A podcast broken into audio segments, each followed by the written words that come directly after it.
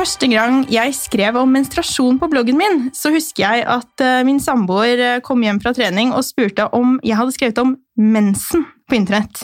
Han hadde fått høre det på fotballtrening, for å si det sånn. Etter det innlegget ble skrevet, så gikk det jo flere år før jeg fikk tilbake min egen menstruasjon.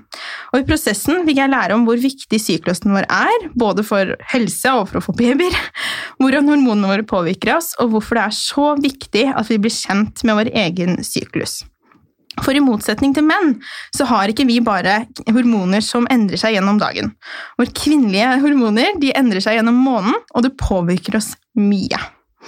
Dagens gjest er en av de nydeligste sjelene jeg kjenner, og jeg er så takknemlig for å ha henne her i dag. Jeg møtte Hanna da vi begge studerte ernæring, hun på universitetet og jeg hjemmefra. Hun er min absolutt favoritt-keffer, for dere som vet hva det er, og den klokeste ernæringsfysiologen jeg vet om.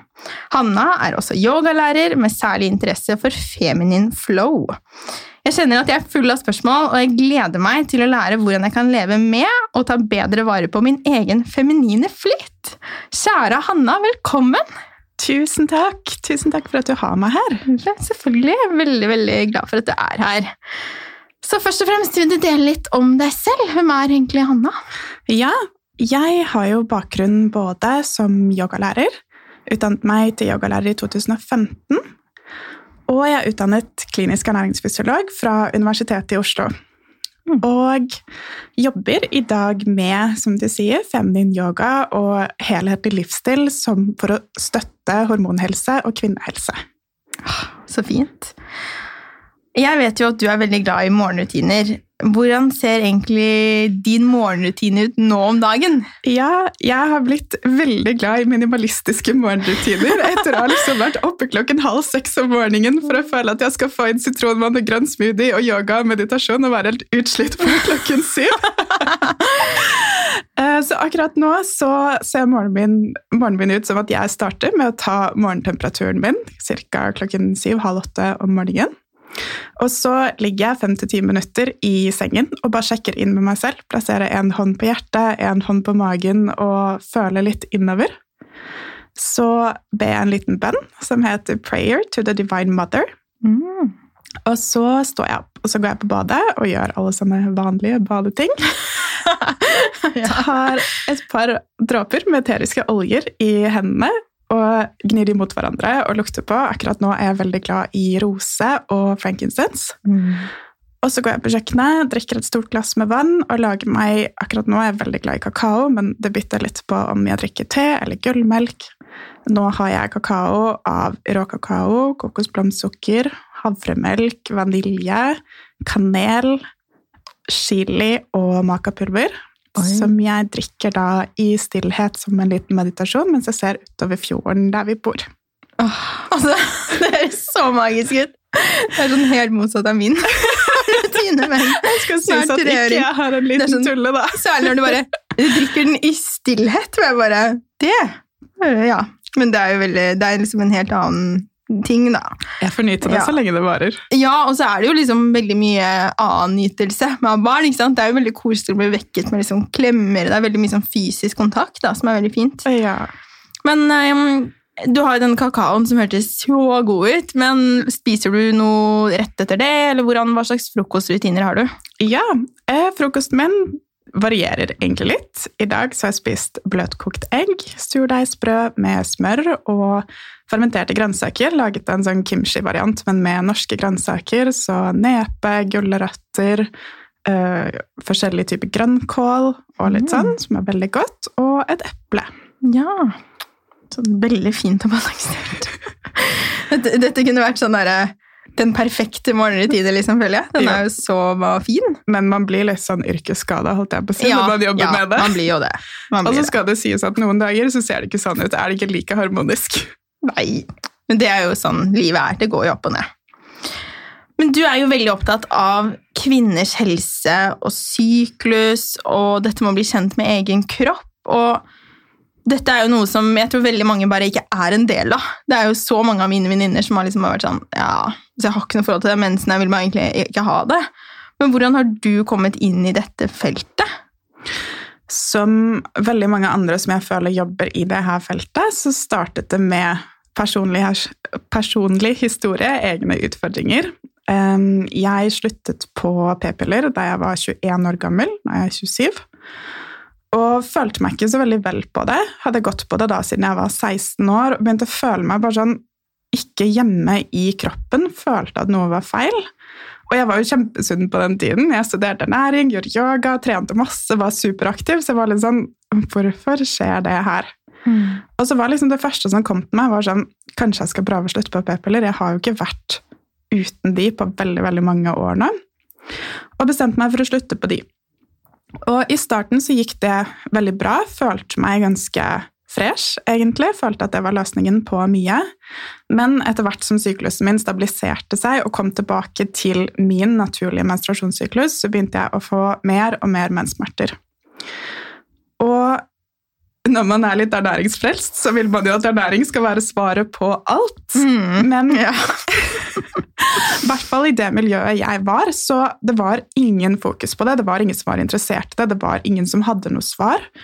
Og når jeg gikk til legen min også, så fikk jeg bare beskjed om at ja, ja, men det er helt normalt å ha menssmerter som kvinne. Og jeg var sånn, men det henger ikke på greip at jeg skal ha to til på det verste fire dager i måneden. Som jeg kommer meg nesten ikke ut av sengen fordi jeg har så vondt. Det er noe som ikke er som Nei, det stemmer. Sånn skal, og bare fordi noe er vanlig, så betyr jo ikke det at det er normalt. normalt eller, liksom, eller omvendt. Altså, ja. ja. Eh, men da var igjen det eneste liksom, jeg kunne få, var eh, ganske sterke smertestillende og tilbake på p-piller, fordi det skulle i gåseøynene, jeg himler veldig med øynene hver gang jeg hører det her, ja, ja. men regulere syklusen. Ja. Og det var jeg ikke interessert i. Skjule syklusen? Ja. Uh, så da husker jeg jeg sa jeg var hos flere leger og hos gynekolog, og sa til henne at ok, men Takk for vendingen din, men det føles ikke riktig for meg, så da må jeg finne ut av det her på en annen måte. Og hun ble bare helt rar i ansiktet og sier liksom en du kan, du kan, ikke finne ut av dette her på egen hånd! Du er tøff, da, fordi jeg pleier alltid å være sånn Å, ok, og så går jeg. Jeg tror det her var sånn femte legen eller noe jeg var hos. Jeg bare, ja, ja. å gud, jeg er så lei. Uh, men da ble jeg litt sånn Ok, nå må jeg gjøre noe, for jeg kan jo ikke ha det sånn her. Eh, så jeg lot meg inspirere av deg, faktisk, og ja. pluggen din da du var på Frøya-klinikken. Og det var liksom første gang jeg hadde hørt om noen som jobber med kvinner, fertilitet, hormonhelse på en annen måte. Mm. Så jeg gikk dit og fikk eh, litt veiledning. Fikk anbefalt noen kosttilskudd, altså vitaminer, mineraler, omega-3. Og det var innen to sykluser, bare natt og dag. Jeg husker da den andre menstruasjonen min kom etter mm. denne rutinen. Så satt jeg på forelesning og bare Det her er jo helt magisk. Hva er det som skjer nå? Fordi dette går bra. Magisk mensen. uh, og da ble jeg virkelig sånn Shit, det er helt åpenbart at det er en så stor sammenheng mellom ernæring, kosthold og syklusen vår og forsvant skikkelig ned det rabbit-hullet der. Mm. Og der har jeg egentlig vært siden. Ja. ja, men det skjønner jeg. Det er jo ikke noe rart man har den der egne erfaringen. Det er jo da man kjenner det på kroppen også, endringen, og da blir man jo helt frelst. Virkelig. Mm. Ja, det er helt, helt sant. Men vil du liksom tegne et bilde? For jeg vet jo mange blir sånn Syklus, ja, ok, hva snakker dere om? Men vil du tegne liksom et bilde av syklusen? Hva er det vi må vite for å komme litt i gang med å bli kjent med egen syklus? Absolutt. det som man gjerne snakker om som en sånn standardsyklus Alle har kanskje hørt sånn at menstruasjonssyklusen er 28 dager, du har eggløsning på dag 14. Det er ikke nødvendigvis sånn det ser ut for alle, og hvis du skal ha alle de fasene som jeg kommer til å snakke om nå, så må du ha en regelmessig naturlig syklus som ikke er påvirket av syntetiske hormoner fra hormonell prevensjon. Mm. Og du må også faktisk ha en eggløsning. Men hvordan det ser ut da, er at den første fasen er menstruasjonen, som kanskje er lettest å kjenne igjen. Alle vet når de har mensen. Hard to miss. Veldig. Eh, og da har vi Menstruasjonen starter jo med at vi får et virkelig sånn hormondropp, og at inflammasjonsnivåene i kroppen øker. Alle vet jo det at hvis du kutter deg, får et lite sår, så ser du at det blir rødt, det blir litt hovent, det gjør litt vondt. Og menstruasjonen er jo at vi kvitter oss med livmorslimhinnen, som bokstavelig talt. Det blir vevskade. På samme måte som at man får et sånn lite kutt, så skaper det litt betennelse i kroppen. Mm. Ikke noe negativt, men det, altså, det er det menstruasjon er. Det er helt naturlig, men det gjør ofte at vi kan føle oss litt slitne, slappe, ikke ha så mye ekstra kapasitet, trenger mer hvile. Um, bare ta litt godt vare på oss selv, og det syns jeg er veldig fint at på en måte fra naturens side så starter vi med å ta vare på oss selv. Da. Mm. Etter menstruasjonen er ferdig, så går vi inn i forlikkelfasen.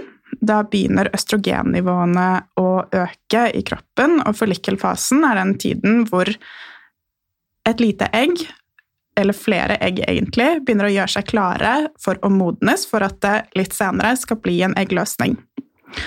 Østrogen gjør at vi blir ganske robuste. Man kjenner kanskje at man har stor kapasitet, man har stor kapasitet for å være sosial. Man har bedre hukommelse, bygger muskler bedre. Man kan kjenne bare sånn, å, man kan liksom delegere, organisere, strukturere så sykt mye, være skikkelig on it. Mm. Så sånn som livene de fleste av oss lever i dag, er strukturert, da, så er kanskje det en av de enkleste fasene å være i. Ja. Um, det er ikke nødvendigvis Det er kanskje som sagt den mest robuste fasen, så det er da vi kanskje kan ta minst hensyn til oss selv. Men det som er viktig å passe på i den fasen her, er nettopp å få i oss nok næringsrik mat, sånn at kroppen skjønner at vi har nok ressurser til at det faktisk skal bli en eggløsning. Mm. Og eggløsningen er da den tredje fasen. Noen kaller det ikke en fase, kaller det bare en hendelse, for eggløsningen tar strengt tatt bare sånn 12-24 timer. Men ja, whatever. Om du kaller det en fase eller en hendelse, er ikke så farlig. Det er jo da hvor østrogennivåene når en sånn topp som sender et signal om at nå kan vi frigjøre et egg som kan bli befruktet. Mm. I den fasen her kan man føle seg veldig sånn flowy, feminin, sensuell. Mm. Naturlig så er det jo da man vil tiltrekke seg en partner for å potensielt bli gravid. Ja. Og man har mye sånn skaperenergi, veldig mye kapasitet for å være sosial, så det er en fin tid. Og på en måte hvis du har møter, store ting som skjer Ja, i livet, legg det da, fordi du har mye mer altså, ressurser i kroppen din å håndtere det med. Og så, etter det, så skjer det et stort skifte i kroppen, hvor vi da skifter fra å ha produsert primært østrogen til å produsere primært progesteron. Da vil man kanskje kjenne at den der uendelige energien og kapasiteten til å gi er litt redusert. Um, man går litt mer inn i seg selv. Noen begynner etter hvert å kjenne på litt PMS.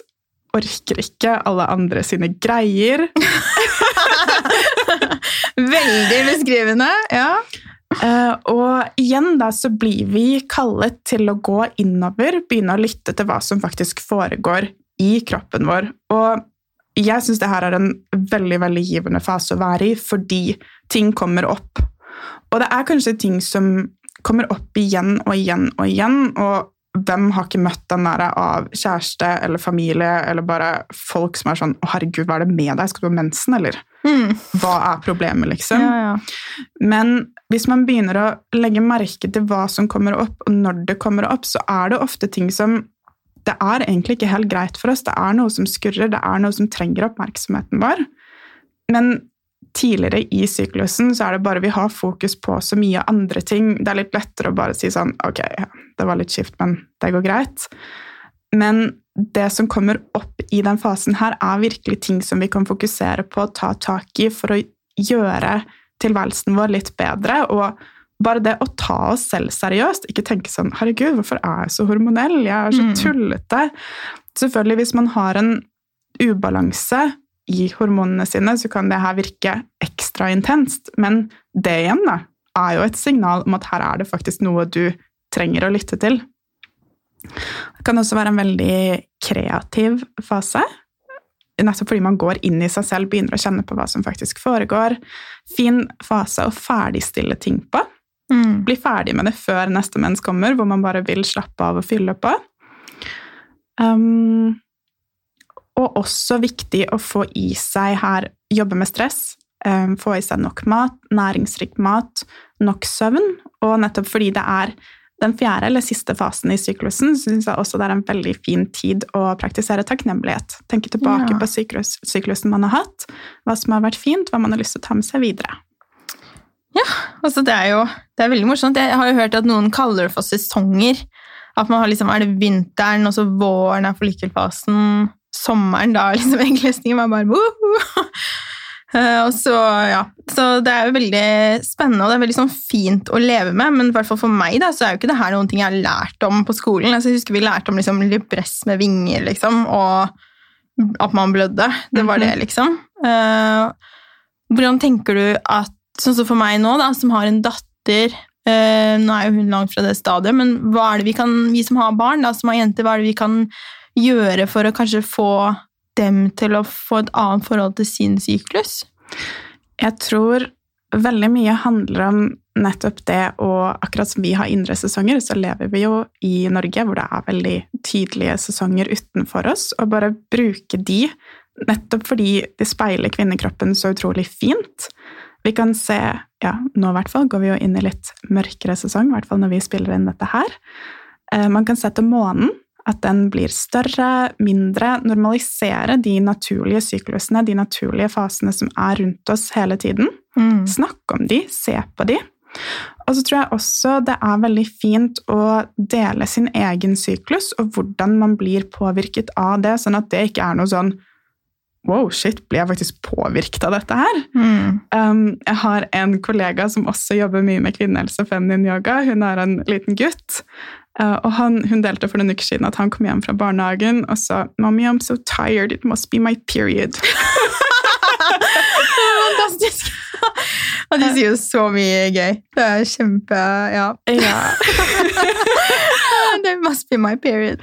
Og så tenker jeg etter hvert også sånn, Tradisjonelt så har jo menstruasjonen, første menstruasjon, eller menarke, markert overgangen fra det å være jente til å bli kvinne. Og nå er det ikke helt sånn i dag, men det å faktisk markere det, feire det, se på dette her som noe skikkelig positivt, selv om det kanskje er mange år til skjer enda, jeg skulle ønske at jeg fikk det da jeg fikk min første menstruasjon, fordi for veldig mange jenter så er det knyttet til så mye skam, sånn du liksom gjemmer bind i lommen når du går på skolen og skal gå på do, vil ikke at noen skal vite at du har mensen. Jeg gjør det fortsatt. Altså, det er ikke sånn at Jeg går liksom med, jeg har jo OB i veska, liksom, men det er ikke sånn at jeg bare Hele verden må se det, liksom. Ikke sant? Det er jo kleint hvis man liksom ikke har så ordentlig søppelbøtta borte hos folk. Ja, Så blir man sånn å, jeg må snike meg på kjøkkenet eller ha det i veska til jeg kommer hjem. og hvorfor er det sånn? Tenk hva menstruasjonssyklusen vår egentlig er. Det er ingen av oss som hadde vært her i dag Nei. uten menstruasjonssyklusen. Den er så fantastisk. Altså, kvinnekroppen er virkelig en portal som bringer nytt liv inn i verden, og så skal vi gå rundt og skamme oss over det her hver eneste måned. Jeg Ja, det er så fælt. Ja, det er skikkelig drøyt, egentlig. Og, og jeg føler også, sånn som ja, ref liksom innledningen, da, at mensen er veldig sånn Folk bare æsj, liksom. Det er så ekkelt. Ja. Og det Ja. Tenk på bare, altså Tidligere, i hvert fall da vi vokste opp, så var det jo sånn reklamer for bind og tamponger. De kunne ikke ha rød væske i reklamen engang. Det måtte være sånn blå, syntetisk Ja. farge, som om liksom mensen i seg selv er så forstyrrende at vi kan Ja, ikke ha noe som ligner på det. Mm, Eh, man blir så, krenka Ja, av mensen. altså Menskrenk. Det Ja. hører ikke hjemme noe sted, syns jeg. Nei, Og så tenker sant. jeg også, hvis man har jenter som begynner å nærme seg den alderen hvor de faktisk skal få mensen, at det er, hvis de da er vant til å høre om mensen, og at det faktisk påvirker oss, men også er en fin ting.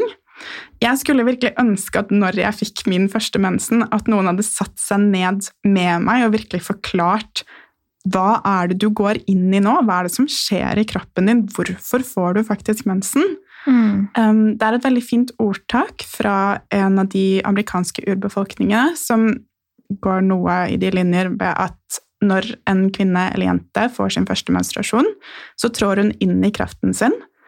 I de menstruerende årene så praktiserer hun kraften sin, og ved overgangsalderen så blir hun kraften sin. Jeg tenker på sånn, Hvis vi hadde blitt introdusert for det perspektivet så, Og det her er kanskje noe som nettopp fordi mange ikke har fått på en måte den initieringen inn i det å bli kvinne, menstruerende kvinne.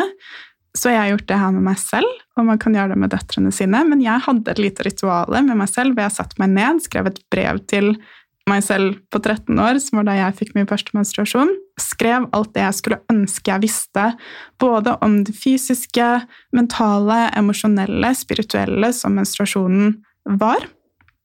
Og så hadde jeg en liten feiring med meg selv. Gikk ut og feiret, spiste raw food-kake, koste meg skikkelig. Og så kjøpte jeg i gave til meg selv et menstruasjonsskrin. Mm. Et menstruasjonsskrin er et fint lite skrin som jeg gleder meg til å ta frem hver måned når jeg får mensen. Der har jeg økologiske tamponger, jeg har menskoppen min, jeg har eteriske oljer som jeg liker å bruke eh, under menstruasjon, som Clary Sage, Copaiba, peppermynte. Eh, jeg har favorittsjokoladen min og en teblanding som er spesielt for menstruasjon, som bringer litt tilbake den rituelle, litt hellige delen av det det er å ha mensen. Da. Mm. Så det, hvis jeg noen gang er så heldig å få en datter, så håper jeg at jeg kan dele det med henne. Ja, det er så fint. Det er kjempefint. og man får altså sånn, som Jeg hadde jo en periode hvor jeg ikke hadde menstruasjon. Og da ville jeg jo gjerne ha det, fordi jeg ville bli gravid. Og da får man jo helt annet syn på mensen. Da blir det plutselig ikke sånn et nødvendig onde da, som man har. Det er liksom noe helt annet. Så det er, eh, det er jo kjempeviktig å ha. Det er jo litt ironisk at man på en måte går første halve livet og er så redd for å bli gravid og syns mensen er himla plagsomt, og så Mhm. går man neste og bare Shit, herregud, hvorfor kommer den ikke? Tenk om jeg ikke kan bli gravid? Ja, Og stresser om alt det her. Og jeg tror hvis vi hadde hatt et mer naturlig forhold til kroppen vår og hva som faktisk skjer, så hadde man ikke nødvendigvis følt det på den måten. Mm. Ja, altså skam for kvinner rundt kropp er jo et kjempetema. Eh, Så det, ja, det er jo så omfattende. Og er veldig vanskelig å liksom Syns jeg, da. Å finne ut hvordan man skal balansere det videre til neste generasjon. Og Ja. jobbe med det selv, og samtidig liksom Ja, hva man skal bringe videre, da. Ikke sant? Men jeg vil jo veldig gjerne at vi skal snakke litt om mat også. For du er jo ernæringsfysiolog, klinisk ernæringsfysiolog. Mm. Og eh, jeg må jo si at uh, veldig mange av de jeg følger, som har studert uh, eller studerer klinisk ernæring, de deler veldig mye av det samme. Jeg opplever det, nå skal jeg ikke skjære alle over en kam, da, men som jeg sier mange, så er det mye litt sånn sinne mot diverse ting. Det er mye sånne myter, og man skal liksom bare 'Dette funker ikke, og dette funker ikke', og bare sånn 'Vanlig mat er bra nok'. Det er liksom det som går igjen. Og det tenker jeg er jeg er helt enig i på mange måter, at eh, vanlig hel mat er eh, veldig bra. Men jeg syns ikke det er så veldig hjelpsomt da, for de som skal få råd. Og så opplever jeg deg som veldig annerledes. Hvorfor det? Ja, det er jo veldig hyggelig, da. Tusen takk. det er bra at du ikke bare Jeg håper ikke jeg fremstår så sinna. Jeg tror det handler litt om min reise, og at det som virkelig trigget min interesse for ernæring som noe mer enn et studie, men noe som jeg brenner så innmari for, var min egen erfaring. Og det er jo noe vi ikke lærer om på studiet i det hele tatt. Så jeg måtte jo begynne Det var ikke noe interesse der for de spørsmålene jeg stilte. Det var veldig sånn altså Klinisk ernæring er jo et evidensbasert fag, og jeg syns forskning er superviktig. Og jeg synes helt ærlig, hvis du driver med ernæring og veiledning av andre mennesker, og ikke gidder å sette deg inn i forskning og se hva den sier, det støtter jeg ikke. Enig. Men jeg er også veldig åpen for at særlig ernæring som, som fagfelt og forskningsfelt da, er ganske nytt. Så er det så utrolig mye vi ikke vet, og det er så komplekst. Og det jeg kanskje savner litt, da, er en sånn villighet i fagfeltet til å si at ok, det her vet vi faktisk ikke, men gitt det vi vet, da, og ut fra en faglig vurdering, kanskje vi kan prøve noe. Mm. For det måtte jeg gjøre selv, og i og med at ikke vi lærte noe om kvinnehelse på studiet, var alltid spørsmålet om det. Hvor kan jeg studere for å lære det du kan? Jeg bare, Mm. Ingen steder, du må Ja, finne ut av det på egen spørsmål om tarm. Det er liksom hele tiden sånn Jeg Ja. i hvert fall ikke det jeg studerte, men sorry. Ikke sant? Nei, men ikke Mm. sant? Så jeg brukte jo masse tid på å sitte og stå opp grytidlig før skolen og satt og leste forskningsartikler, leste bøker, hørte på podkaster med andre fagpersoner som jobbet innenfor det her feltet, for å begynne å bygge meg opp en kompetanse. Da var det bare for min egen del. Og i og med at jeg merket at det her hadde så stor effekt, så jeg ble veldig ydmyk, tror jeg, for, at, for alt det vi ikke vet, og åpen for å prøve andre ting enn bare det som har åtte RCT-studier som har fått akkurat det samme resultatet. Mm. Fordi sånn er det ikke når man Mm. jobber med hormoner og kvinnehelse. Eh, og opplevde jo også at det vi lærte på studiet, ikke hang helt sammen, eller sa ikke akkurat det samme som det jeg selv merket resultater av, og den forskningen jeg leste. Så ja, jeg begynte vel å stille andre spørsmål, og fikk litt andre svar også. Bra svar. Men du snakker jo litt om hva du spiser og liksom dine erfaringer med sånn, men følger du en, spesiell diett nå, eller har du gjort det før? Nå gjør jeg ikke det. Akkurat nå så har jeg det mest fleksible, avslappede kostholdet jeg har hatt noen gang. Men det skal jo sies at da jeg startet denne reisen, sluttet på p-piller, begynte å få tilbake menstruasjonen, så spiste jeg plantebasert eller et vegansk kosthold. Og det føltes veldig bra, det føltes veldig riktig sammen med yoga. Og det, i yoga så snakker man mye om ahimsa, eller ikke-vold. Man skal ikke skade, skade andre, inkludert dyr. Så det å ikke spise animalske produkter var liksom veldig sånn aligned med det jeg drev med da. Og lenge så funket det veldig bra for meg, men de siste årene har vært litt tøffe på privaten, både med jobbsituasjon og har en mann som er veldig syk, og det har vært så ekstremt krevende å stå i. Og på et eller annet tidspunkt så måtte jeg bare innrømme at ok, nå begynner alle de her symptomene å komme tilbake, mens smerter kommer tilbake, jeg føler meg helt elendig, jeg har ingen energi. Jeg trenger noe mer fra kosten min enn det et plantebasert kosthold gir meg. Så i vinter så begynte jeg å reintrodusere både egg, litt meieriprodukter og fisk i kostholdet mitt igjen. Jeg, for, kostholdet mitt ser fortsatt ganske likt ut med altså det plantebaserte som utgangspunkt, men jeg prøver å legge på litt animalsk til hvert måltid. Og det har vært skikkelig krevende, for jeg har aldri likt verken kjøtt, fisk, egg. Jeg likte ost da jeg var liten, men det var liksom det eneste. Jeg ville aldri drikke melk eller ja, ingenting. Men litt av litt så har det gått, og kroppen min har respondert så utrolig bra på det. Og i veldig nylig, sånn de siste ukene, og også begynt å reintrodusere litt kjøtt og innmat, særlig lever. Bare for å virkelig velge den mest næringsrike maten som kan støtte kroppen min i de her prosessene. Mm. Ja, jeg kjenner meg jo veldig igjen. Jeg er helt som, som deg også, at jeg, liksom, jeg skulle gjerne spist vegansk. Liksom. Jeg synes at Fordi det er den maten jeg drives mot og liker best. Mm. Eh, og kunne liksom aldri bestilt meg liksom en burger eller en biff eller liksom på restaurant, eller spist liksom egg og bær. Jeg, ja, jeg er ikke noe glad i det. Men, eh, men jeg, jeg er også helt enig, og det er liksom den derre det, at det veldig lett kommer litt til kort, og særlig i forhold til hormoner. Ja. At det Jeg kjenner veldig sånn energi, eh, går veldig lett ned i vekt. Veldig sånn lett for liksom, Man merker akkurat nesten sånn her Oi, jeg må spise mer. Samme. Ja. Og så mm, Ja. Veldig, og det er litt sånn uansett hvor mye jeg spiser, så jeg blir på en måte mett, for jeg får i meg nok. Mm. Og jeg, man er jo ikke drøvtygger. Man kan jo ikke gå og tygge, tygge, tygge hele Mm. dagen på alt det her. Eh, og det er jo ikke egentlig så rart når man ser på fysiologien og biokjemien bak hormonhelse. Hva er det de faktisk er laget av? Hvilke vitaminer og mineraler er det som brukes i prosessene for å lage disse hormonene? Mm. så ser man jo at man trenger fett, man trenger kolesterol, man trenger B-vitaminer, man trenger en del av de næringsstoffene som det fins mye av i animalske matvarer. Mm. Ikke for å si at ikke det er helseeffekter ved å spise plantemat, fordi det vet vi jo at er kjempebra, men det er jo det også forskning viser, at man, de som spiser animalske produkter, gjerne helfete, har bedre hormonhelse, lettere for å bli gravide, flere eggløsninger enn de som ikke spiser det. Mm.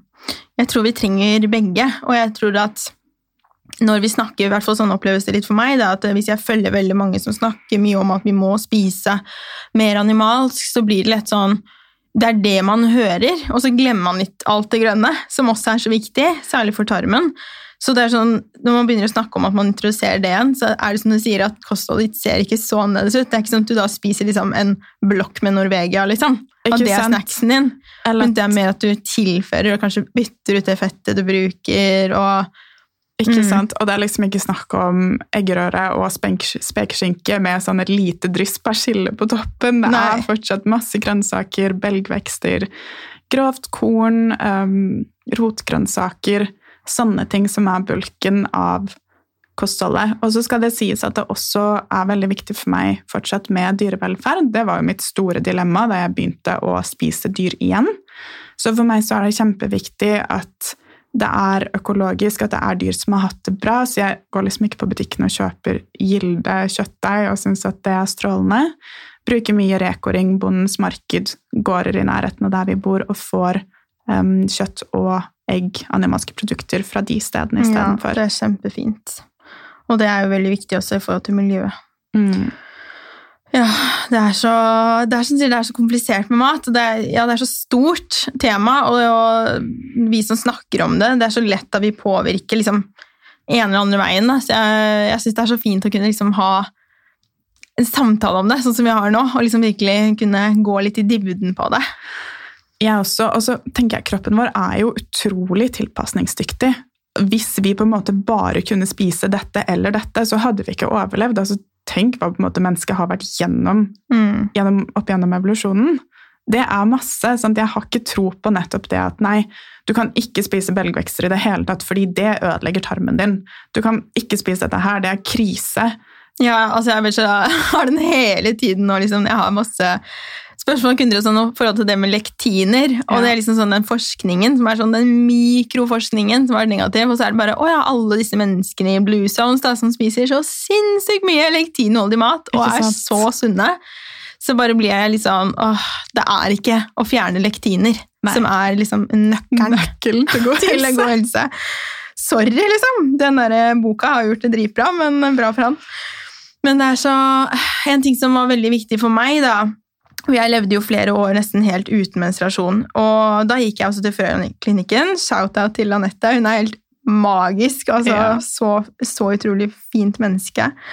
Og hun sa at det var akkurat som om kommunikasjonen mellom hjernen min og eggstokkene mine var liksom skrudd av. Uh, og jeg bare Ja, ja, det tenkte jeg ikke så mye over der og da, liksom. Da var jeg veldig desperat etter å bli gravid, og gikk også og tok prøverørsbehandlinger og sånne ting ved siden av. Jeg klarte ikke å vente, selv om veldig mange rundt meg bare sånn Ta en pause, mediter, spis, slapp av. Og bare liksom så blir det av seg selv, da. Men jeg var sånn Det har jeg ikke tid til, liksom. Jeg måtte være gravid i går, da. Og så hadde jeg jo PCO, sånne polycystiske ovarier. Og da trodde jeg jo selv at jeg kanskje hadde PCOS, men at jeg klarte å holde det i sjakk med kostholdet mitt, siden det var så bra. Men ettertid så skjønner jeg at mest sannsynlig så var det det som heter hypotalamisk amenoré. Eh, og jeg skjønte at det er ganske typisk for litt sånn flink pike, overachiever, trener mye, sunn mat-jenter. Hva er din erfaring med det? Jeg jobber jo med en del jenter som har den problematikken. Og aller først, uh, hypotalamisk amenoré er rett og slett at menstruasjonen uteblir rett og slett fordi at man ikke har den tilstrekkelige hormonproduksjonen til å holde i gang en regelmessig, naturlig, sunn syklus. Og som du sier, det er veldig sånn flink pikegreie, fordi man spiser så innmari sunt, og så får man jo høre natt og dag at man skal spise så magert, og være masse fysisk aktiv, høyintensitetstrening. Og det For noen så signaliserer det her til kroppen at shit, men vi er jo i stress, det er krise, det er ingen ressurser tilgjengelig her for at vi skal kunne bli gravide og sette et nytt liv ut i verden. Det tryggeste er jo at vi bare skrur ned hele greia, og så venter vi til den krisen her er over. Men så Mhm. blir jo aldri krisen over. Eh, og da er det veldig mange som opplever nettopp det med uteblivende syklus og vanskeligheter med å bli gravid. Da. Fordi hvis ikke man har en eggløsning, så er det jo ikke noe egg der som kan befruktes heller. Nei. Ja, det, er veldig, det var veldig lite snakk om. Det var aldri noen som, som snakket om det til meg. Og jeg trodde Jeg ser jo tilbake at jeg var veldig Jeg hadde lav fettprosent og sånn, men i mitt hode så var jeg jo ikke det. Så jeg tenkte ikke at liksom Å ja, det er derfor jeg ikke blir gravid. Det er ikke fordi jeg trener seks ganger i uka og går på step styrke, liksom. Ja. Uh, at, uh, at jeg ikke blir gravid. Og jeg, jeg er jo ikke stressa. Og jeg, er sånn veldig, altså, og bare, ja, jeg vil bare bli gravid. Det er ikke, det er ikke noe annet stress, liksom. det er så lett å være etterpåklok, da. Men eh, så ble jeg jo til slutt gravid da, gjennom prøverør, og, og etter at jeg fikk lykke, så har jeg jo fått eh, mensen nesten sånn på klokka. Og det husker jeg Anette også sa, at det er veldig mange som får en sånn reboot da, Ja. etter en graviditet. Så det er håp. Selv om eh, man har hormoner litt ute av, helt ute av slag. Og jeg vet jo også at eh, jeg har jo veldig lyst nå til å prøve å bli gravid alene, holdt jeg på å si. Det er vanskelig. Men eh, uten, uten gynekolog, da. Uten alle medisinene og sånn. Ja. Og en ting som var veldig viktig, var jo det med å spise nok. Mm. Jeg gikk til en coach, og han sa jo til meg at du, det derre Altså, det hormonet som du liksom sprøyter i magen din for å få eggløsning, bare, det er det samme som nedreguleres når du spiser for lite. Ja. Altså, hvordan kan vi jobbe med det å begynne å øke og spise mer, hvis man har liksom utbytt mensen og ikke får den på plass? Det er mange aspekter ved det, og litt av det har du allerede nevnt med det med skam og kropp, og at man har et så Altså, kroppsidealet i dag er ikke nødvendigvis det som er så optimalt for fertilitet og kvinnehelse. Så mye av det er rett og slett en indre jobb psykisk å akseptere at kroppen faktisk kommer til å forandres, fordi vi trenger mer fett, vi trenger å få opp hormonproduksjonen vår, og da må vi Um, altså Fysisk aktivitet og bevegelse er jo bra for oss, men å roe det ned, begynne å gjøre rolige former for yoga, gå på turer, um, styrketrening som ikke nødvendigvis får opp pulsen så himla mye, og ikke gå dag ut og dag inn på den mølla. Fint å ha med seg, og så spise nok næringsrik mat, og da også ikke spise så veldig magert, men ser det i studier at kvinner som spiser fett, helfett meieriprodukter, avokado, altså bare alle mulige typer naturlig, sunt fett, har mer eggløsning enn kvinner som ikke gjør det. Tenke balanserte måltider. Um, langsomme karbohydrater, så rotgrønnsaker, den type ting, er kjempeviktig for å faktisk få en eggløsning. Og måten jeg tenker på sånn hormonboostende, balanserte måltider, er å velge alltid råvarebasert. Så ubearbeidede, naturlige produkter. Masse grønnsaker. Prøver å alltid ha en animalsk proteinkilde til, så om det er kjøtt, fisk, egg særlig.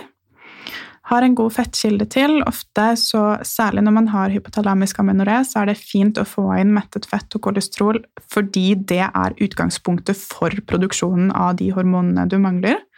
Så jeg får kanskje høre det nå, men smør Mm. føler det er den store synden. Smør nam-nam. Særlig, særlig der jeg kommer fra.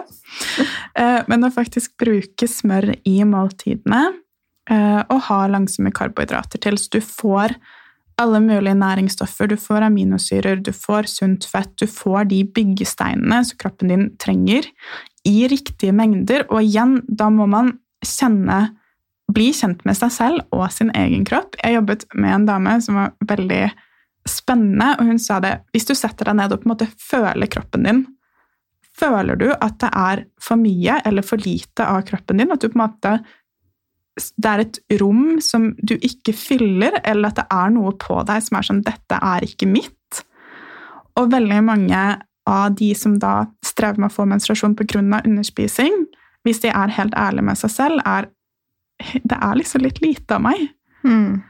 Um, å lære seg å kjenne når er du faktisk mett, når har kroppen din blitt tilfreds, versus hvor mye tror du at du skal spise for Ja. å ha denne kroppen. Og det er ikke noe lett omstilling. Veldig, veldig mange unge kvinner har på et eller annet tidspunkt, ofte over lang periode, et vanskelig forhold til mat, selv om man ikke kanskje har en spiseforstyrrelse, så er det mye skam, stress knyttet opp mot det med kropp. Og også det stresset igjen forplanter seg jo i menstruasjonssyklusen, så å roe ned, gjøre avspenningsmetoder, ikke minst sørge for at man får nok god søvn, er ja, det er mange puslespillbiter som skal på plass, men dette er noe av det som er veldig viktig for å ha en sunn, regelmessig syklus. Da. Mm. Jeg vil jo også tro at det å være veldig redd for å legge på seg, sånn som jeg var, er det jo også på en måte Det er liksom underbevisstheten din. Da, at liksom, det er jo det man gjør når man blir gravid. Mm. Og når jeg ble gravid, jeg tror ikke det var før den altså Det å være gravid hjalp meg så mye i forhold til det med mat. Ja. Du blir jo bare tjukkere. og du legger på deg masse, og det, liksom, det går fort. Og så, så er det sånn at du har ikke den samme kontrollen over kroppen din lenger når du er gravid. Så for meg som var så mye kvalm, da, så spiste jeg måtte spise hele tiden. Og det var liksom brød med smør. da, Det var det som jeg opp, liksom. Så, og etter det så så jeg også at liksom, jeg kunne spise Jeg var, sånn, jeg var så redd for f.eks. potet. Tenkte alt som hvis jeg spiser brød, så kommer jeg til å legge på meg kjempefort. Og så at mange av de tingene stemte ikke. Og det har jo liksom Men det skal jo ikke nødvendigvis altså, Ofte så er det jo Har man jo lyst til å få det liksom til havs før, da, men det er ja, Jeg opplever at noen ganger det kan være en skikkelig struggle for de som skal gjennom det. Men det er det, og det er jo ikke så rart når vi ser på Vi lever i en skikkelig diettkultur hvor makronæringsstoffer, altså fett, proteiner, karbohydrater, får forskjellig status. Enten så er man gjerne veldig redd for fett, eller så er man veldig redd for karbohydrater. Protein blir hyllet som løsningen på absolutt alt. alt ja. Og sånn er det ikke. Vi kan ikke drive og demonisere næringsstoffer og matvarer, fordi kroppen vår trenger alt sammen. Mm. Så ja, som sagt, hvis vi, hvis vi, ikke hadde tålt noe av det her, at det hadde vært dårlig for oss, så hadde vi ikke vært her i dag. Nei. Og det som du sier med smør, for eksempel, så er det jo liksom Det tror jeg alle er helt enig i, at en person som har altså Enten om man liksom veier for lite eh, etter boka, eller eh, om man er normalvektig, men at man ikke har de hormonene som skal til for å skape menstruasjon, så spiser man mest sannsynlig ikke for mye mettfett, sånn at man har høyt kolesterol. Det er jo så viktig å tenke individbasert. Mm. Så hvis uh, du sitter og hører på nå og bare 'Å, jeg har helt andre problemer', da, så får vi heller ha Hanna tilbake og snakke om det en annen gang. Ha en oppfølger. Men da, altså, da, da, er det en helt annen utfordring. ikke sant? Og det, jeg tror jeg hører snakker så mye med kundene mine om det, at det er så viktig å være ærlig med seg selv. Mm. Og virkelig tørre å liksom se da, liksom med det blotte øyet på det man faktisk spiser, og hvordan man behandler kroppen sin. Og så må man jo jobbe derfra mm. for å begynne å justere, om det er opp eller ned på visse ting. For det er jo veldig ofte sånn at man er litt sånn i ulike utgangspunkt, da. Veldig, veldig mm. sant. Og sånn sett så er menstruasjonssyklusen veldig spennende, fordi hvis du gjør en endring, så kan du følge med på syklusen din. Mm. Kartlegge den og se hva slags effekt har det her faktisk hatt for meg. Ja. Og så blir det veldig lett å følge deg og din kropp, din syklus, individuelt, istedenfor å tenke på liksom å ja, på folkehelsenivå, og så har man de kostrådene og disse altså sånn, Ok, men her sånn, så får du direkte tilbakemelding fra kroppen din fra dag til dag, måned til måned, som du kan forholde deg til. Mm. Det er jo samme som å se på avføring. Alt det til mine Det er en helt spesiell måte å se hvordan tarmen din har det, og de er sånn Men ja, de blir gode på det, altså. Det er kjempeviktig. Men Du har jo gjort alle disse endringene, og sånn, men en av de er jo det å begynne å, å, gjøre yoga. Hva er det yoga har gjort for deg? Hva, hvordan endret det livet ditt? Jeg begynte jo å gjøre yoga før jeg egentlig begynte med dette her kvinnehelse og ble interessert i ernæring. Startet med yoga for snart åtte år siden og ble helt frelst. Jeg syns mm. det var så magisk. Jeg var veldig på starten i helsereisen min og hadde liksom jeg også var på det. Proteiner, ikke noe karbohydrater, trene masse. Gikk til en PT som hadde så sykt fokus på kropp, ikke helse. Og jeg kjente bare sånn Gud, jeg må gjøre noe som som nærer noe annet, da, fordi det her føles ikke bra for meg. Så jeg begynte å gjøre yoga og ble helt, helt frelst. Gikk liksom på yoga hver dag, seks dager i uken. Um, og så sluttet jeg jo da på p-piller og fikk så mye smerter og problemer og følte meg så utrolig lite bra. Og den praksisen som jeg da hadde hatt i to år allerede, var ikke tilgjengelig for meg på den samme måten. Det er så morsomt, fordi alle sånne som promoterer yoga, bruker den kvoten med um, Og jeg angrer så på den yogaklassen jeg tok. Har aldri noen noensinne sagt. Og jeg bare Det har faktisk jeg, fordi det har ikke føltes riktig. Mm. Og det var veldig, veldig sårt for meg. Jeg utdannet meg jo til å bli yogalærer også, og følte som sånn halve måneden, så er jo ikke det her tilgjengelig for meg. Så da igjen begynte jeg å undersøke hvordan kan jeg bruke yoga, for det er jo en kjempehelende, legende praksis. Mm. Så jeg um, begynte igjen å undersøke hvordan kan jeg praktisere yoga på en måte som støtter kroppen min, støtter syklusen. Begynte å finne ting som jeg ikke ante noen ting om i det hele tatt. Lære hvilke posisjoner er det som sender mer blod, mer energi til livmoren, eggstokkene, reproduksjonsorganene våre. Lære å spenne av i bekkenbunnen, ikke minst. Spenninger er faktisk Mm. en av de vanligste årsakene til menssmerter. Ja. Og jeg hadde helt ekstremt stram, anspent bekkenbunn. Hadde null kontakt. Begynte å gjøre altså yin-yoga, restaurativ yoga, hvor jeg visualiserte, pustet dypt ned i magen, skapte virkelig et forhold til livmoren min, hjertet mitt, de her delene av kroppene som fra et ernæringsperspektiv så kan det bli veldig sånn teknisk, og jeg må disse næringsstoffene også på dette tidspunktet sykluset, og nå driver jeg og måler og observerer og holder på, men jeg tror virkelig at kroppen vår har så enormt mye visdom, og hvis vi lærer å begynne å lytte til den, komme i kontakt med den, faktisk kjenne kroppen vår, så har vi så mye veiledning som vi får av oss selv. Mm. Og bare det å faktisk leve livet sitt i kroppen Jeg har snakket med så mange av kundene mine om det i det siste, at de føler at de lever utenfor seg selv. Hvis de Mm. kjenner sånn, Hvor er det man føler seg selv? Enten så er det fra halsen og opp, og noen sier 'litt foran meg selv'. Ja. Og det kjenner jeg meg så utrolig igjen i, fordi man forter seg, man stresser, man er alltid på vei et sted. Men den yogapraksisen har virkelig vært min måte å komme hjem til meg selv i kroppen min og skape en dyp relasjon til den, da, og de her systemene som jeg har lært veldig mye faglig teknisk om, men å begynne å erfare de i meg selv. Ja. ja det, er kjempe, det er kjempefint og så viktig. Det Veldig. at man liksom har den der alltid ligger bak-følelsen.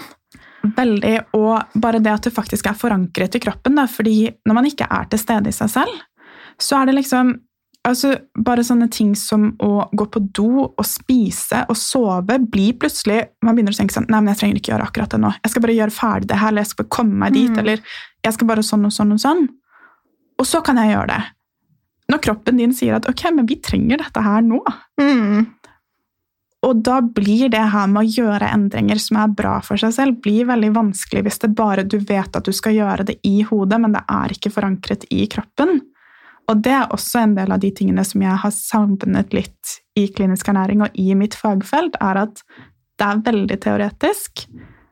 Og jeg, jeg vet mange lure ting jeg skal gjøre, men at jeg vet at jeg skal gjøre det, betyr ikke nødvendigvis at jeg faktisk gjør det. Men når jeg kommer inn i kroppen, og når dette her begynner å komme fra meg selv, så skifter det. Fordi da begynner jeg ikke å diskutere det. Selvfølgelig skal jeg gi meg selv et ordentlig måltid. Kroppen min trenger jo det, ikke bare fordi jeg vet det, men jeg føler det. Og til og med det, altså det høres så banalt ut, men å gå på do Jeg kunne utsette å gå på do i mange timer fordi jeg var opptatt. Jeg hadde andre ting som jeg syntes var viktigere å gjøre. Og det er klart at ikke man får en godt regulert kropp når man hele tiden driver og overkjører de signalene. Mm. Jeg hadde en sånn veldig eh, stressende periode da jeg var hjemme i permisjon og samtidig jobba. Og da fikk jeg jo hele tiden urinveisinfeksjoner. Og så tenkte jeg liksom at ja, det er sikkert fordi jeg sitter mye på kalde gulv med baby og sånn, men eh, så sa venninna at liksom bare, hun er naprapat, da, og hun bare Men la, så blir du ferdig å tisse? Eller har du ikke tid til det, Lene? Og jeg bare Å, herregud, det er det. Fordi det er liksom den der sitte på Selv det liksom har man ikke tid til. At, um, og det er jo veldig respektløst overfor sin egen kropp. Ja. Man setter seg selv så langt ned på rangstigen. Og det er, veld, det er så fjernt det der med sånn egenpleie og egenkjærlighet og sånn, men det er jo egentlig akkurat det du beskriver nå. Og det, det er det som jeg brenner så sterkt for. Da. Nettopp, nei, det handler ikke om å ta de der lange magnesiumbadene og smøre deg inn og dra på spa og Men bare Hva er dine Jeg kaller de for non-negotiables. Hva er det du trenger for å ha det bra og fungere? Og ofte så er det veldig, veldig enkelt. For meg så er det søvn, det er mat, det er tid i naturen. Og altså bare være sammen med de jeg er glad i, få kos og nærvær. Det er sånn Det høres kjempe, kjempeenkelt ut, men hvis jeg gjør det, så er så mye gjort. Mm. Ja, det er kjempeviktig.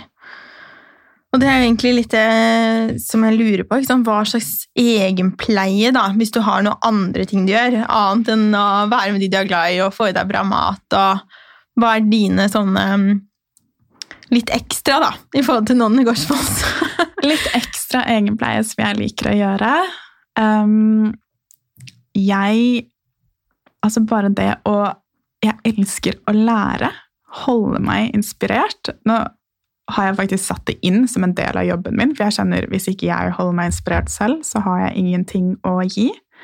Men å sette meg ned med en skikkelig god kopp med et eller annet å drikke, enten om det er te, om det ja, er noe annet, lese en bok som inspirerer meg, være i det, ta meg god tid ut i naturen, samtale med god venninne. Og så er det jo selvfølgelig disse praksisene mine, da. Mm. Yoga, meditasjon. Jeg elsker å gjøre yoga nidra. Mm. Det er også Ja, det høres På en måte så gjør jeg ikke så veldig mye sånn superluksusting, fordi livet skjer, og dagene går, men det er de små tingene som jeg føler at får meg til å ha det bra da, i det Mm. daglige. Har du faste tider du gjør yoga, eller hvordan passer du på å få det inn, at ikke det blir skjøvet ut av kalenderen? Jeg skriver inn på en måte alle tingene som jeg trenger, skriver jeg inn i timeplanen min først, og så organiserer jeg resten av livet mitt rundt det. Og jeg vet at det er veldig luksus. Alle som har barn, tenker kanskje ja, right, det er ikke jeg som styrer den timeplanen, men enn så lenge så har jeg den luksusen. Og det er litt forskjellig når jeg gjør det. Jeg underviser jo og jobber ofte kveld, forholdsvis sent. Jeg er liksom ikke hjemme på kvelden før sånn ni, halv ti, ti. Og da er det ikke sånn at jeg skal stresse opp og gjøre yoga fra klokken syv til åtte dagen etter. Um, så jeg tilpasser det egentlig bare, setter det inn i timeplanen min Mm. når det passer litt ut fra det og ut fra dagen. Men man må være litt disiplinert med det, fordi hvis man ikke skriver det opp og på en måte bare skal gjøre det når det passer, så skjer det aldri. Mm. Og den fellen har jeg gått i mange ganger. Ja, man merker at det, hvor godt det er å faktisk holde den avtalen med seg selv. Fordi det er jo sånn, Du hadde jo aldri nå liksom fem minutter før bare Du, jeg kommer ikke i dag, jeg, Lenne. Du hadde jo aldri gjort det. Nei. Men jeg er i hvert fall veldig flink til å bare Å nei, jeg dropper den tingen jeg liksom hadde sagt at jeg skulle gjøre. Ja. Og det, det er så synd, for det, det gjør egentlig liksom at du blir litt den der dårlige venninna, dårlige kollegaen, men mot deg selv. da. Deg selv, ja. Så jeg, når jeg blir bevisst på det, så blir det så mye lettere for meg. Og så tenker jeg at det, uansett om det er at man har barn, eller om man har en jobb som krever veldig mye tid, sånn at du ikke har liksom den muligheten, så er jo det Vi har jo alle ansvar for vårt liv, og så er det jeg som har fått barn. sånn at det, selvfølgelig er jo mitt liv annerledes enn den som ikke har barn. Men for meg så er det veldig sånn Det er mange måter jeg kan få inn de små stundene. Jeg kan velge om jeg sitter og ser på liksom, iPaden med lykke, eller om vi da liksom ruller litt rundt på matta, eller vi snakker om pusta og sånne ting. Altså, det, er sånn, det, det er så små ting som skal til. Mm. Så uansett om det gjelder mat eller yoga, eller liksom Bare se hvor du har sånne små lommer i din kalender. For hvis livet ditt ikke funker for deg, sånn som det er nå, så tenker jeg at man må man bare gjøre en endring. Da må man gjøre noe. Og nettopp det å ikke gjøre det på en måte så stort at det blir helt uoverkommelig. Da. Hvis du setter av 90 minutter hver dag som du skal gjøre yoga, så er det litt urealistisk. Men si at du skal bare ligge på matten din og gjøre en guidet meditasjon i 20 minutter. Da. Selv om man er trøtt, selv om man er sliten. Mm. Jeg finner i hvert fall ingen unnskyldninger for å ikke stille opp til det. Og ja, bare være litt ærlig med seg selv. Hva er det jeg trenger? Hvordan kan jeg gi meg selv det? Og sett, det, sett av tid og gjør det. Mm. Det er litt den, Jeg føler veldig ofte når man snakker om sånn feminin yoga, feminin ditt og datt, så blir det veldig sånn flytende og feminint, å føle inn og gjøre akkurat sånn som det passer. Men man trenger en balanse mellom feminint og maskulint. Ja, det feminine er det flytende, intuitive, nærende. Mens du i det maskuline har mer struktur, klarhet, linjer. Men hvis man tenker på det, så er det jo da man skaper konteineren. Mm. Og i den konteineren så kan man være intuitiv, lytte inn, fylle på og nære seg selv. Mm. Ja, og når man har mer struktur på hverdagen, så får du også mer frihet. Hvis du bare lar ting flyte og bare gjør jobb, og det er jo, gjelder jo uansett hva slags jobb man har, hvis man bare liksom er sånn, ah, jeg tar ting når det kommer, og så, så blir det jo kaotisk, det skaper mye stress, og jeg er helt, helt enig i at det er kjempeviktig å ha en balanse, og det kan jo også være å sette grenser for seg selv, og ikke liksom starte dagen med mail, sosiale medier, sånne ting, og heller da ta litt rolig tid med seg selv, eller sammen med de man bor med, da. Om man ikke trenger liksom, Du skaper jo det, de strukturene selv, og da, da får du også mer av det du ønsker deg. Det er for min erfaring. Ja, nei, jeg kunne ikke vært mer enig i det. Og så kan man jo være flink, noe som er i det feminine, det er jo det å spørre om hjelp. Det Mm. øver jeg veldig på um, om dagen, og da er det en fin ting å si. Kan du Kan jeg få et rom, da, på 20 minutter til å ta en avspenning? Det gjør meg til en ekstremt mye bedre mamma og kjæreste når jeg faktisk får ro. Hvis jeg går og er stressa hele tiden, så blir jeg sur, og det er ikke Så det får liksom de rundt deg veldig mye igjen for, da. Men Ja. du må huske å spørre. Det er ingen som kommer til å liksom bare Å, nå trenger du sikkert en avspenning, liksom. Nei, og så er det jo ingen som vet hva vi trenger hvis ikke vi sier det. Mm. Alle har litt forskjellige behov, og nettopp det å faktisk si du, jeg trenger, kan du være så snill å gi meg, eller kan du stille opp for meg på denne måten? Og så spør man tilbake, Mm. hva trenger du? Og veldig mange er jo ikke helt klar på det her selv engang, så jeg føler bare det å spørre om hjelp, på en måte så skaper det en sånn effekt utover, hvor andre skjønner at oi, men dette kan jeg også gjøre, og begynne å ta bedre vare på meg. Og det syns jeg er en skikkelig bra ting. Så på en måte så gjør vi ingen en tjeneste ved å skulle gjøre alt selv og ha koll på alt, stå på dagen lang og så bli helt utslitt. Um, og det også igjen da, det kommer tilbake til det fine med sykluset. Vi, vi må starte med å fylle på hos Mm. oss selv. Ja, og ja, folk liker å hjelpe. Man blir jo glad når man blir spurt om hjelp. Veldig. Det er en hyggelig ting. Det er kjempehyggelig. Ja, så det er, eh, det er bare fint. Hvis man er en person som ikke spør om hjelp, så har du sannsynligvis en del å gå på Ja. fra de rundt deg. Helt sånn avslutningsvis, Hanna, hva er det som får deg til å gløde? Å ha sånne gode samtaler som dette her. Ja! Jeg elsker det jeg driver med. Det er virkelig, om det er å sitte og lese om det, om det er å veilede kunder være i jobben min, så elsker jeg det jeg driver med. Det er å være i naturen, lære av naturen, observere hennes sykluser og kjenne den effekten hun har på meg og min kropp. Det er selvfølgelig alle disse non-negotiables som kosthold, samvær, kos, søvn, hvile. Og også bare den å være litt rampete, eller ta seg litt frihet til å være seg selv uten å unnskylde for det. Mm, Akkurat som sier si at dette her trenger jeg. enig. Hvor er det vi kan finne deg for å følge deg eller ta kontakt med deg? Da kan du finne meg enten på nettsiden min, hannafrydenberg.com. Du finner meg på Facebook, Hanna Frydenberg feminin yoga og kvinnehelse. Og på Instagram, Hanna Frydenberg. Ja. Og meg det finner du på Helene Ragnhild på Instagram og Helene Ragnhild Ernæring på Facebook og heleneragnhild.no. Tusen takk for at du ville komme i dag, Hanna. Det var kjempefint og jeg har lært masse. Og så gleder jeg meg bare til neste gang allerede. Jeg også. Tusen, tusen takk for meg. Ha det bra!